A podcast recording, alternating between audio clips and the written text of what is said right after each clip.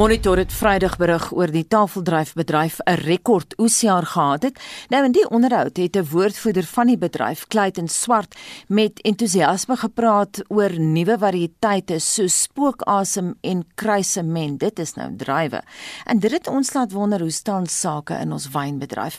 Ons praat ver oggend met Marina Kello, kommunikasiebestuurder van Wines of South Africa. Goeiemôre. Môre Anita. Marina, hoe lyk ons wynbedryf tans? Ja, die wynbedryf uh, voel optimisties, veral as jy kyk na die jaar wat ons gehad het. Ehm um, ons is so te sê klaar met ons oes. Ek verstaan daar is nog 'n bietjie drywe op uh die stokke in veral Brede Kloof uh, streek. Maar ons kan sê daar's so ongeveer 20% van ons drywe wat nog moet afkom. En blykbaar lyk dit na baie positiewe oes. Ons het natuurlik 'n paar jaar terug 'n uh, vreeslike droogte gehad en ehm um, ek dink die wingerde is nou besig om weer hulle hulle hulle hulle sokkies op te tel en vir ons 'n uh, goeie goeie oes te gee. Die kwaliteit is fantasties. So ons is uh ons is optimisties op hierdie stadium. Word daar nog werkers afgelê of begin produsente nou uiteindelik die stukkies weer optel Marino? Op hierdie stadium uh weet ons nie regtig soveel wat aangaan in terme van mense wat afgelê word nie. Ons bly op hierdie stadium hoopvol dat sou daar 'n derde vlaag koronavirus wees in Suid-Afrika dat ons regering uh hopelik die keer ons tegemoet sal kom en daar geen verdere verbod in plek sal wees in terme van die verkoop van alkohol nie. Ehm um, so ek dink uh, ons moet maar net voortgaan en doen wat ons doen, doen wat ons oor passievol voel en ehm um, en hoop vir die beste. So hooplik niks meer afdankings van van werkers nie meer. Hoe vaar ons mededingers? Ek dink spesifiek aan die Suid-Amerikaners, die Chilene en die Argentynë. Dan moet mens seker ook sê die Kiwis, né? Natuurlik. Hulle doen almal baie goed. Kyk, die kiwis is is effens 'n ander mark in terme van waar ons sit. Hulle het die internasionale mark betree op 'n premiepunt en dit is waar hulle sit. Ehm um, waar ons uh, meer vergelyk met uh die Chilean die Chileanse en die Argentyne in terme van pryspunt, maar Suid-Afrikaanse wynkwaliteit staan beslis uh bo hulle uit. So ja, ons uh, almal doen goed. Almal het maar hulle eie uitdagings in verskeie markte en dit hang eintlik maar net af van jou aanslag en en hoe jy dinge aanpak op hierdie stadium. Uh, ek weet na na die pandemie is dinge maar maar bietjie uh, in die lig. Kom ons mm. hou dit daar, ja.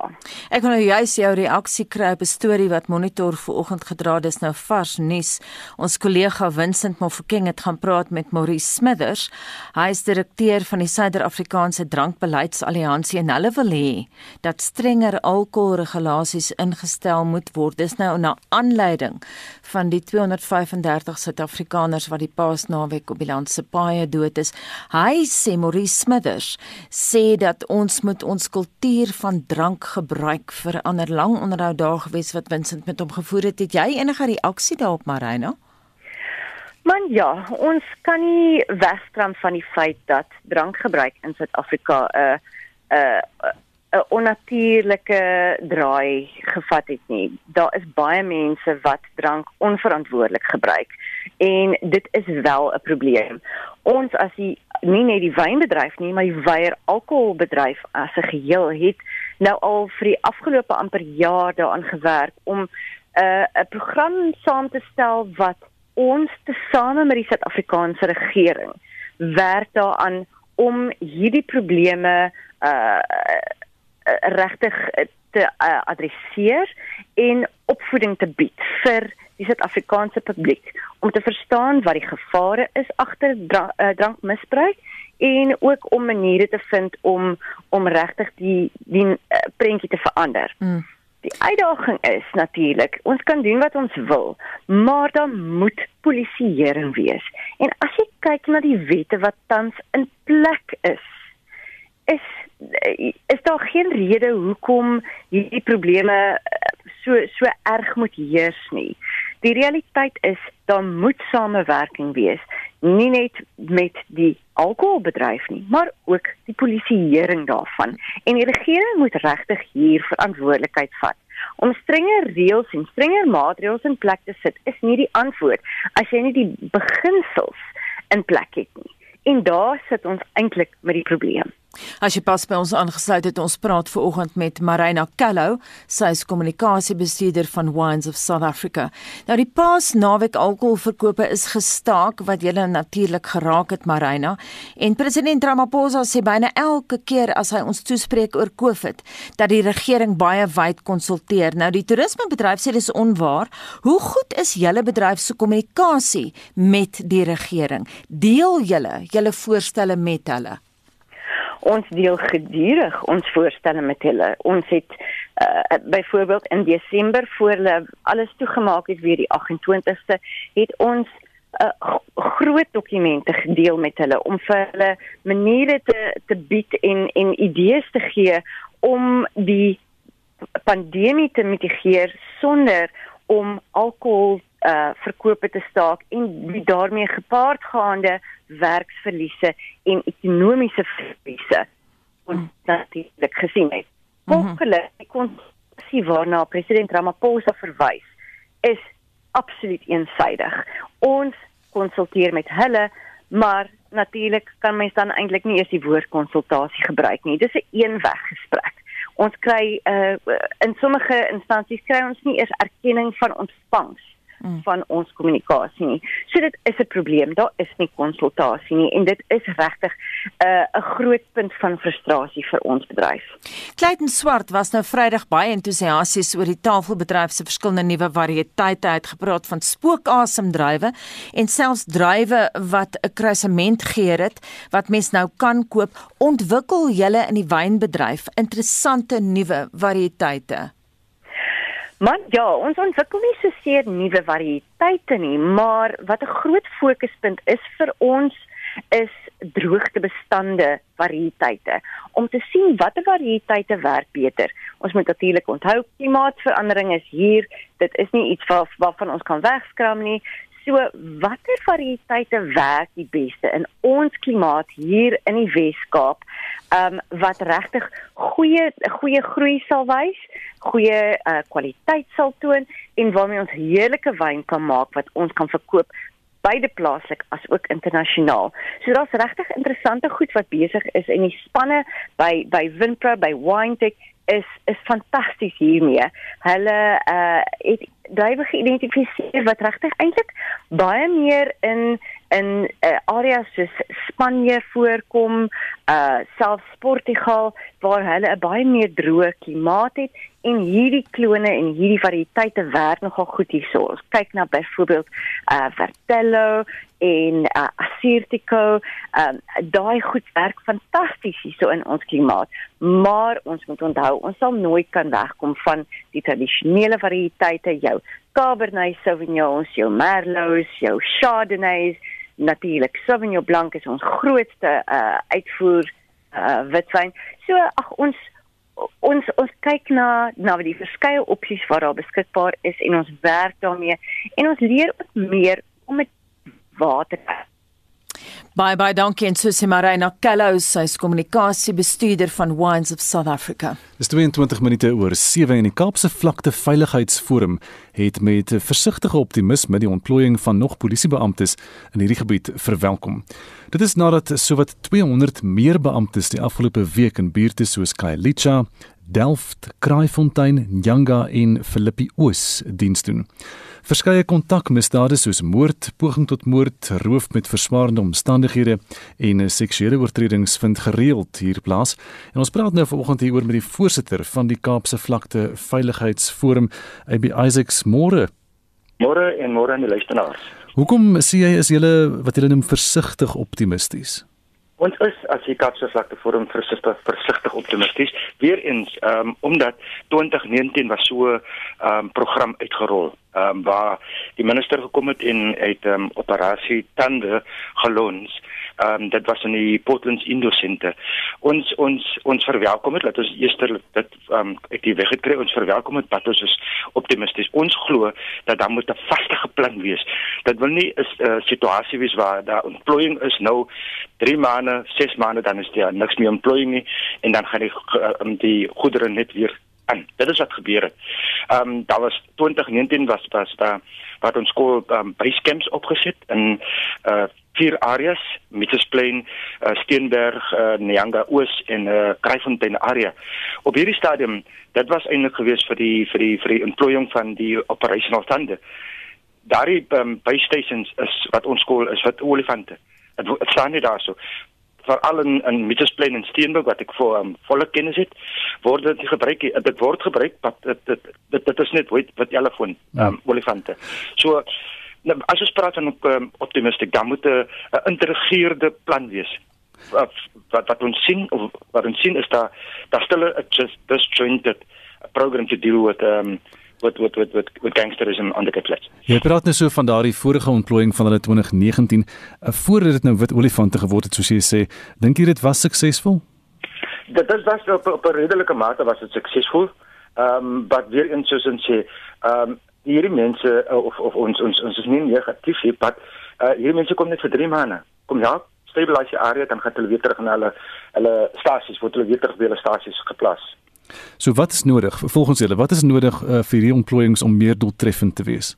Hierdie employings is goed om employings te hê, maar ons verneem dat 'n uh, Western Cape Safety Plan almal daar goed is met geïntegreer word waar al die departemente te samewerk. Ons vra tot tot nou nog toe hoeveel ja, daar was arrestasies gewees.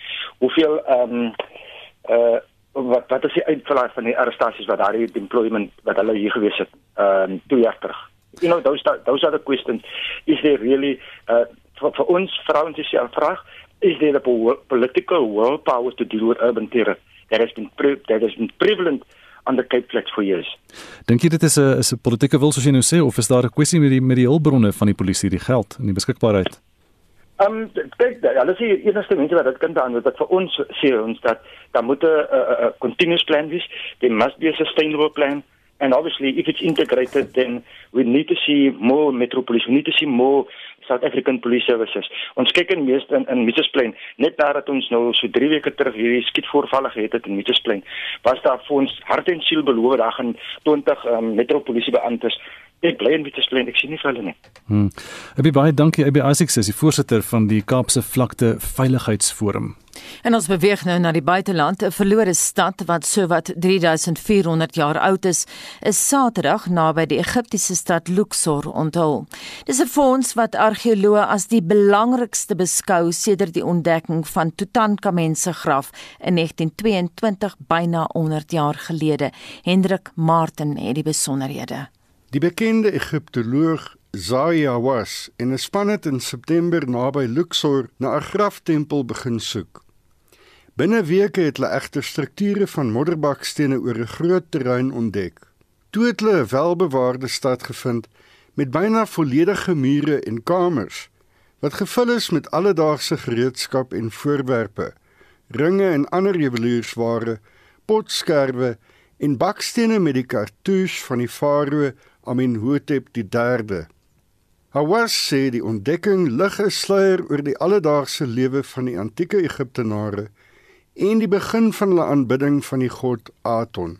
We believe that this golden lost city is the most important discovery after the discovery of tomb of Tutankhamun. I call it golden because it was found in the golden age of Egypt, 1391 BC. I called it lost city because it was lost. No one really believed that the city could exist here. The dazzling Aton.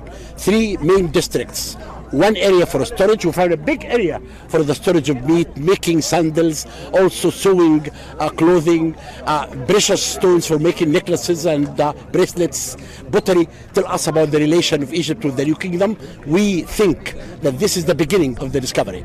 Hawass sê volgens geskiedkundige gegevens was een van Amenhotep die 3de se paleise en administratiewe sentrums op die terrein.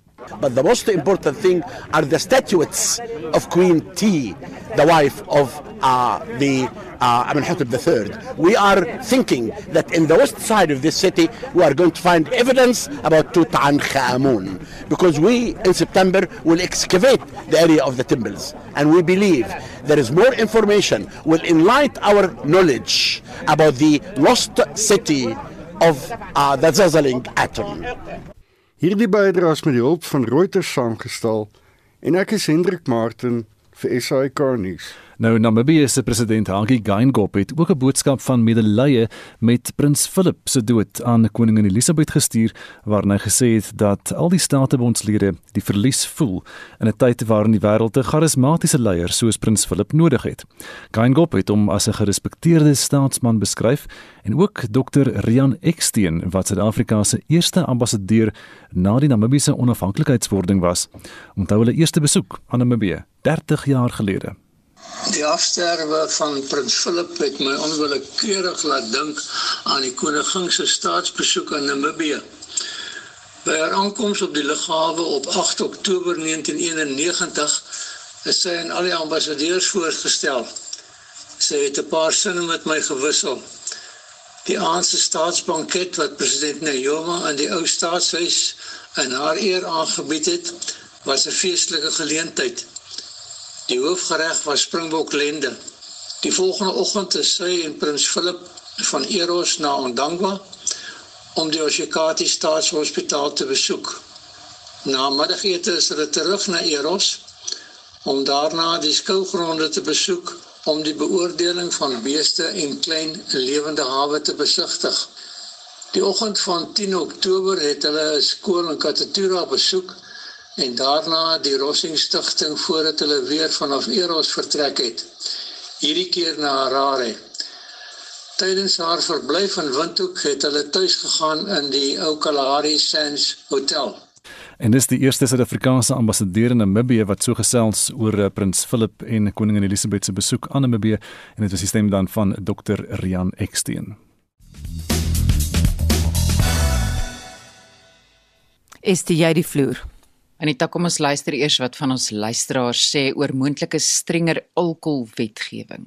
Hulle wil drankwette aanpas, ja, ure verkoopsure korter maak en alles, maar die polisie wat die voorbeeld moet stel, is die ouens wat op sosiale media op op video's verskyn wat dronk uitgepas in polisieuniform in polisievoertuie is. Um wat 'n voorbeeld is dit? Die wette moet eers toegepas word voordat wette verander kan word. Meyer van Natal. Dis hierdie drankie. Dis die persoon wat dit gebruik. Jy sit hy borrel voor jou op die tafel. Jy raak nie aan hom nie. Hy's nog toe alles. Jy sê vir hy borrel maak my dronk. Hoe gaan jy jou dronk maak as jy aan hom raak nie? Die mens moet leer om hulle self te kontroleer. Mense wat drank nie kan vat nie, moet dit goed los, want as hulle dit nie los nie, dis daai mense wat probleme in in ons land veroorsaak. Dit gaan die regering niks help om die drankregulasies te verander om drankmisbruik te beperk nie. Daar moet 'n kultuur van respek geskep word. Eerstens by die regering self en dan by die land se burgers. Dit sal afspoel na die land se burgers toe as die regering wys dat hulle het respek vir die burgers en 'n respek vir die land om vooruitgang daar te stel. Die drankprobleem kan opgelos verbeter word deur middel van opvoeding. Sou ons die wette strenger maak, selfs die ouderdomsgroep opstoot, sal dit nie veel bydra nie. Ons het al hoeka ons eie alkohol vervaardig. Ek sou sê die kruks lê by opvoeding.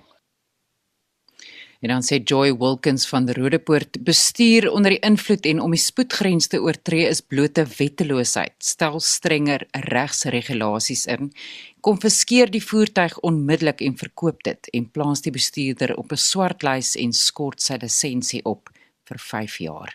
En Jan sê op ons SMS-lyn verminder drankwinkels met 70% en sluit drankwinkels op Sondae Eh, sluit drankwinkels toe op Sondae en verkort die ure andersins.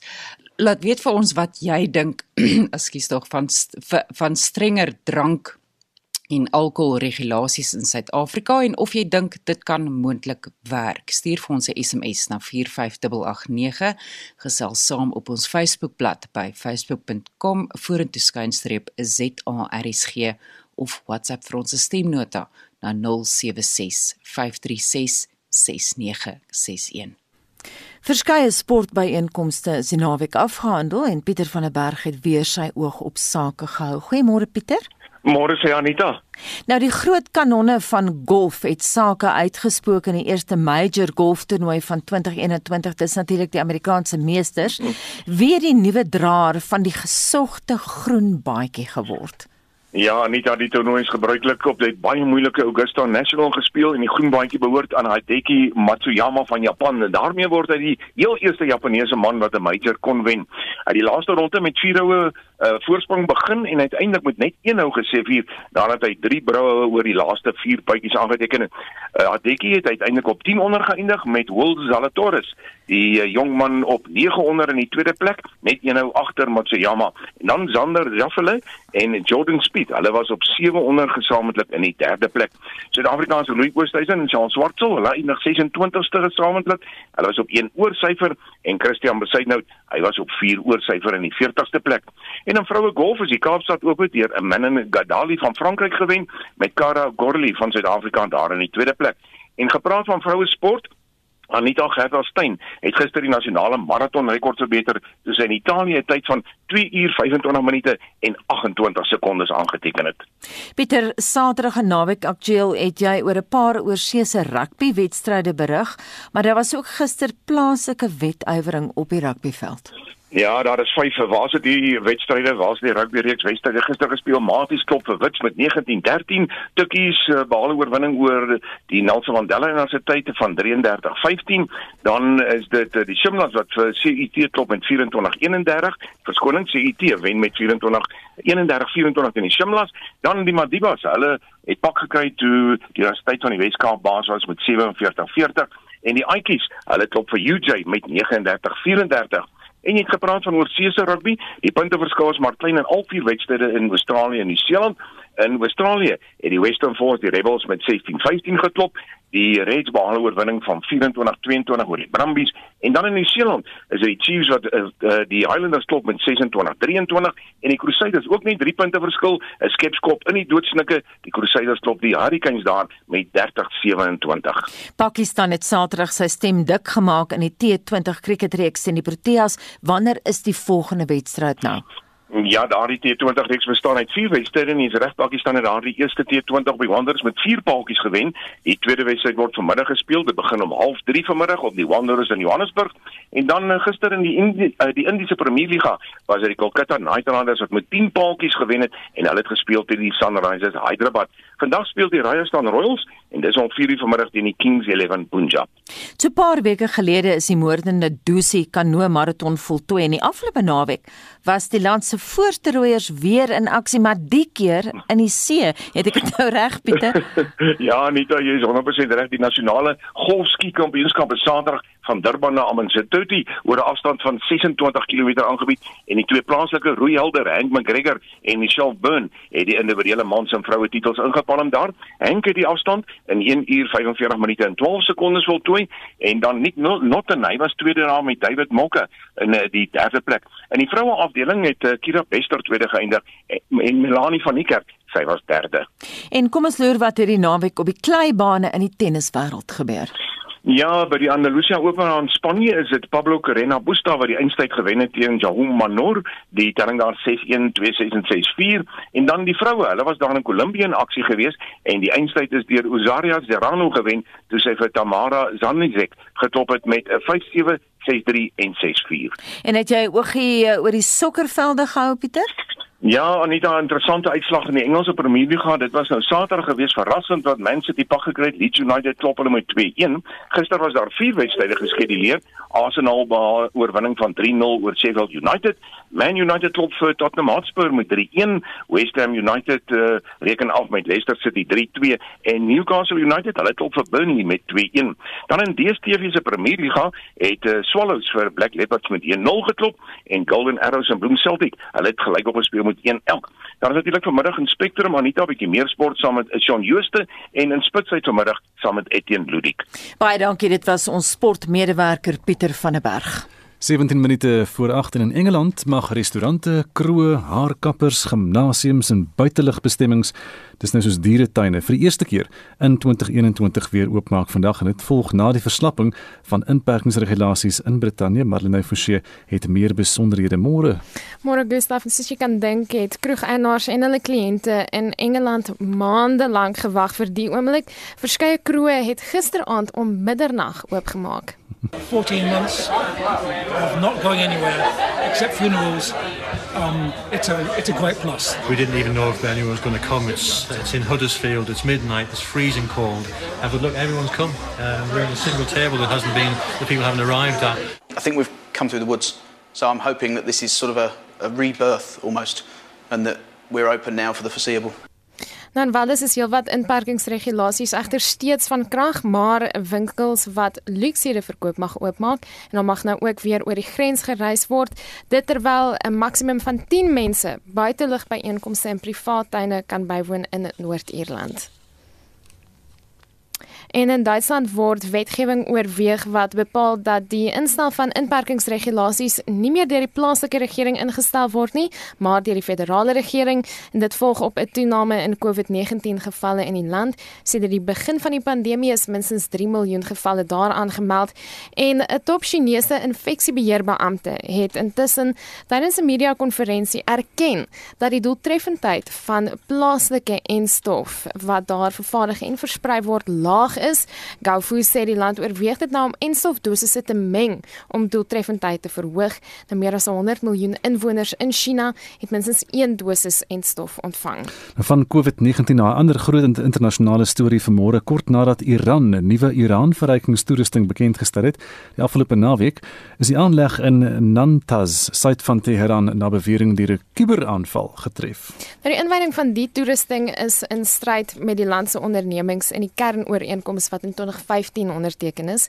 Die ooreenkoms laat Iran slegs toe om beperkte hoeveelhede verrykte uran te vervaardig en te berg om brandstof vir kommersiële kragaanlegte te vervaardig. Die jongste toerusting kan egter gebruik word om kernwapens te vervaardig. Nou die beweerde sabotasie was 'n kragonderbreking by die aanleg Israeli media al intelligensiebronne aan wat die onderbreking aan 'n kuberaanval uit Israel toeskryf. Israel het egter niks bevestig nie en niemand het na vore getree om verantwoordelikheid vir die beweerde aanval te aanvaar nie. En dan inwoners van die Karibiese eiland St Vincent is intussen die naweek sonder krag en water gelaat na nog 'n vulkaniese uitbarsting. En wetenskaplikes waarsku dat uitbarstings van die vulkaan La Soufrière nog dae en selfs weke lank kan plaasvind. It's very difficult to say. The eruption in 1979 lasted a few months, and the eruption in 1902 lasted 10 months, although not continuously. So I expect we'll see quiet periods and then periods when there's perhaps explosions occurring again, which are going to produce more ash, uh, which will be spread across the island. Minstens 160 000 mense moes hulle wonings sedert Vrydag ontruim en aanloop tot die eerste uitbarsting wat die eiland in 'n laag as omvou het. Nou intussen is die Australiese toeriste dorp Kalbarri gister byna gelyk gevee met die aarde nadat die tropiese sikloon Seroja sowat 1000 km land inbeweeg het. 'n Wind van tot 170 km per uur is aangeteken, maar dit het sedertdien begin afneem en Seroja is nou afgradeer na 'n laer tropiese storm. Die beweeg nou suidoos oor die land. Die bureau van weerkundigers waarsku egter dat sterk wind van tot 110 km per uur steeds vandag verwag kan word. Verskeie dorpe se inwoners word aangeraai om skuilings te neem, maar geen sterftes is tot nou toe aangemeld nie. Marlene Forsie met vanoggend se internasionale nuusgebeure. Nou sluit daarbey aan Prins Philip die Hertog van Edinburgh is Vrydag kort voor sy 100ste verjaarsdag, dis nou op 10 Junie van die jaar oorlede. En ons praat met 'n Suid-Afrikaner wat 'n eervolle adjunkpresident van die Wêreldveterane Federasie en 'n lewenslange voormalige president van die Suid-Afrikaanse Legioen was en hy het Prins Philip 'n paar keer ontmoet. Ons praat vanoggend met Godfrey Giles. Môre Godfrey. Môre. Hoe en wanneer het jy Prins Philip ontmoet? Wel, dit was uh, 10 jaar gelede, uh tydens sy die geleentheid in Londen, ehm um, ja, met sy 90ste verjaarsdag. En uh ek was uitgenooi, ehm um, die feit want uh, destyds was ek die nasionale president van die Suid-Afrikaanse Legioen uh, wat een van die ses stigte lede van die Royal Commonwealth Ex-Service uh, die uh, is wat in uh, 1921 in Kaapstad, Suid-Afrika gestig is. Dis 'n 100 jaar gelede hierdie jaar. Prins Philip was uh, 41 jaar lank die uh, groot president van die RSCL. By die funksie, uh, dit was baie interessant want hy het gesorg dat hy by elke gas groet en met hulle praat. Daar was uh, seker oor 400 gaste by. En dit het gelyk asof hy opreg belangstel in wie hulle uh, was en vra vra oor hulle organisasie. Ehm um, het uh, regtig verskyn op op regte tuisvoel by die veterane en ek dink ehm um, hy het ons verstaan want hy was ene self. Mhm. Ehm mm um, hy het Suid-Afrika uh, besoek en hy het dit ont ont uh, uh, hy het dit uh, herinner die RCL het uh, uh, 7 uh, 75 uh, geword en uh, hy het uh, Suid-Afrika weer uh, besoek en um, die oorlede president Nelson Mandela het al 57 um, verskillende lede van die ACL in die stadsaal van uh, Kaapstad toegespreek want hy was uh, Nelson Mandela was self 'n lid van die Suid-Afrikaanse legioen as 'n veteraan. En um, ek het hom 'n paar rooi kouse aangebied as 'n lid as 'n as die lede van die Suid-Afrikaanse legioen dra hulle as 'n simbool van herinnering van die dinge wat die al die uh oorlede geval het. En hy baie oplettend en hy het beloof om dit eendag uh, te dra. So ek was baie beïndruk met die persoon self, ehm um, wat hy regtig aan die persoon gepraat en net by die persoon gepraat en dit was vir my 'n spesiale oomblik en ek sal dit baie uh, verlede vir, vir jare onthou. Nou Prins Philip is ook bekend vir sy diplomatieke flaters. het hy nee. enige iets gesê wat julle wenkbroue 'n bietjie laat lig het? Nee, nie vir my. Miskien het ek uh, die vlatte gedoen want uh, ek het die kouse uit my my sak gehaal in 'n boks en uh, niemand het daarvan geweet. So die sekuriteitmense was 'n bietjie be bekommerd dat hierdie Suid-Afrikaanse persoon 'n bom of iets vir hom gee. So uh, ja, maar hy, hy was regtig baie 'n uh, baie goeie uh, persoon vir ons. Baie dankie dat jy daai staaltjie met ons gedeel het. Dit dan Godfrey Giles, hy is lewenslange voormalige president van die Suid-Afrikaanse Legioen. 10 voor 8 Amnesty Internasionaal waarsku dat die wêreld se mees vatbare gemeenskappe sedert die begin van die pandemie teen meer menseregte vergrype te staan kom. Die organisasie sê COVID-19 is as ware as 'n wapen ingespan om die gemeenskappe verder te onderdruk. Marlenae Forsie het meer besonderhede. Die uitvoerende direkteur vir Amnesty Internasionaal in Suid-Afrika, Shanila Mohammed, sê die verslag het op 149 lande gefokus. Dit sluit 35 lande in Sub-Sahara Afrika in.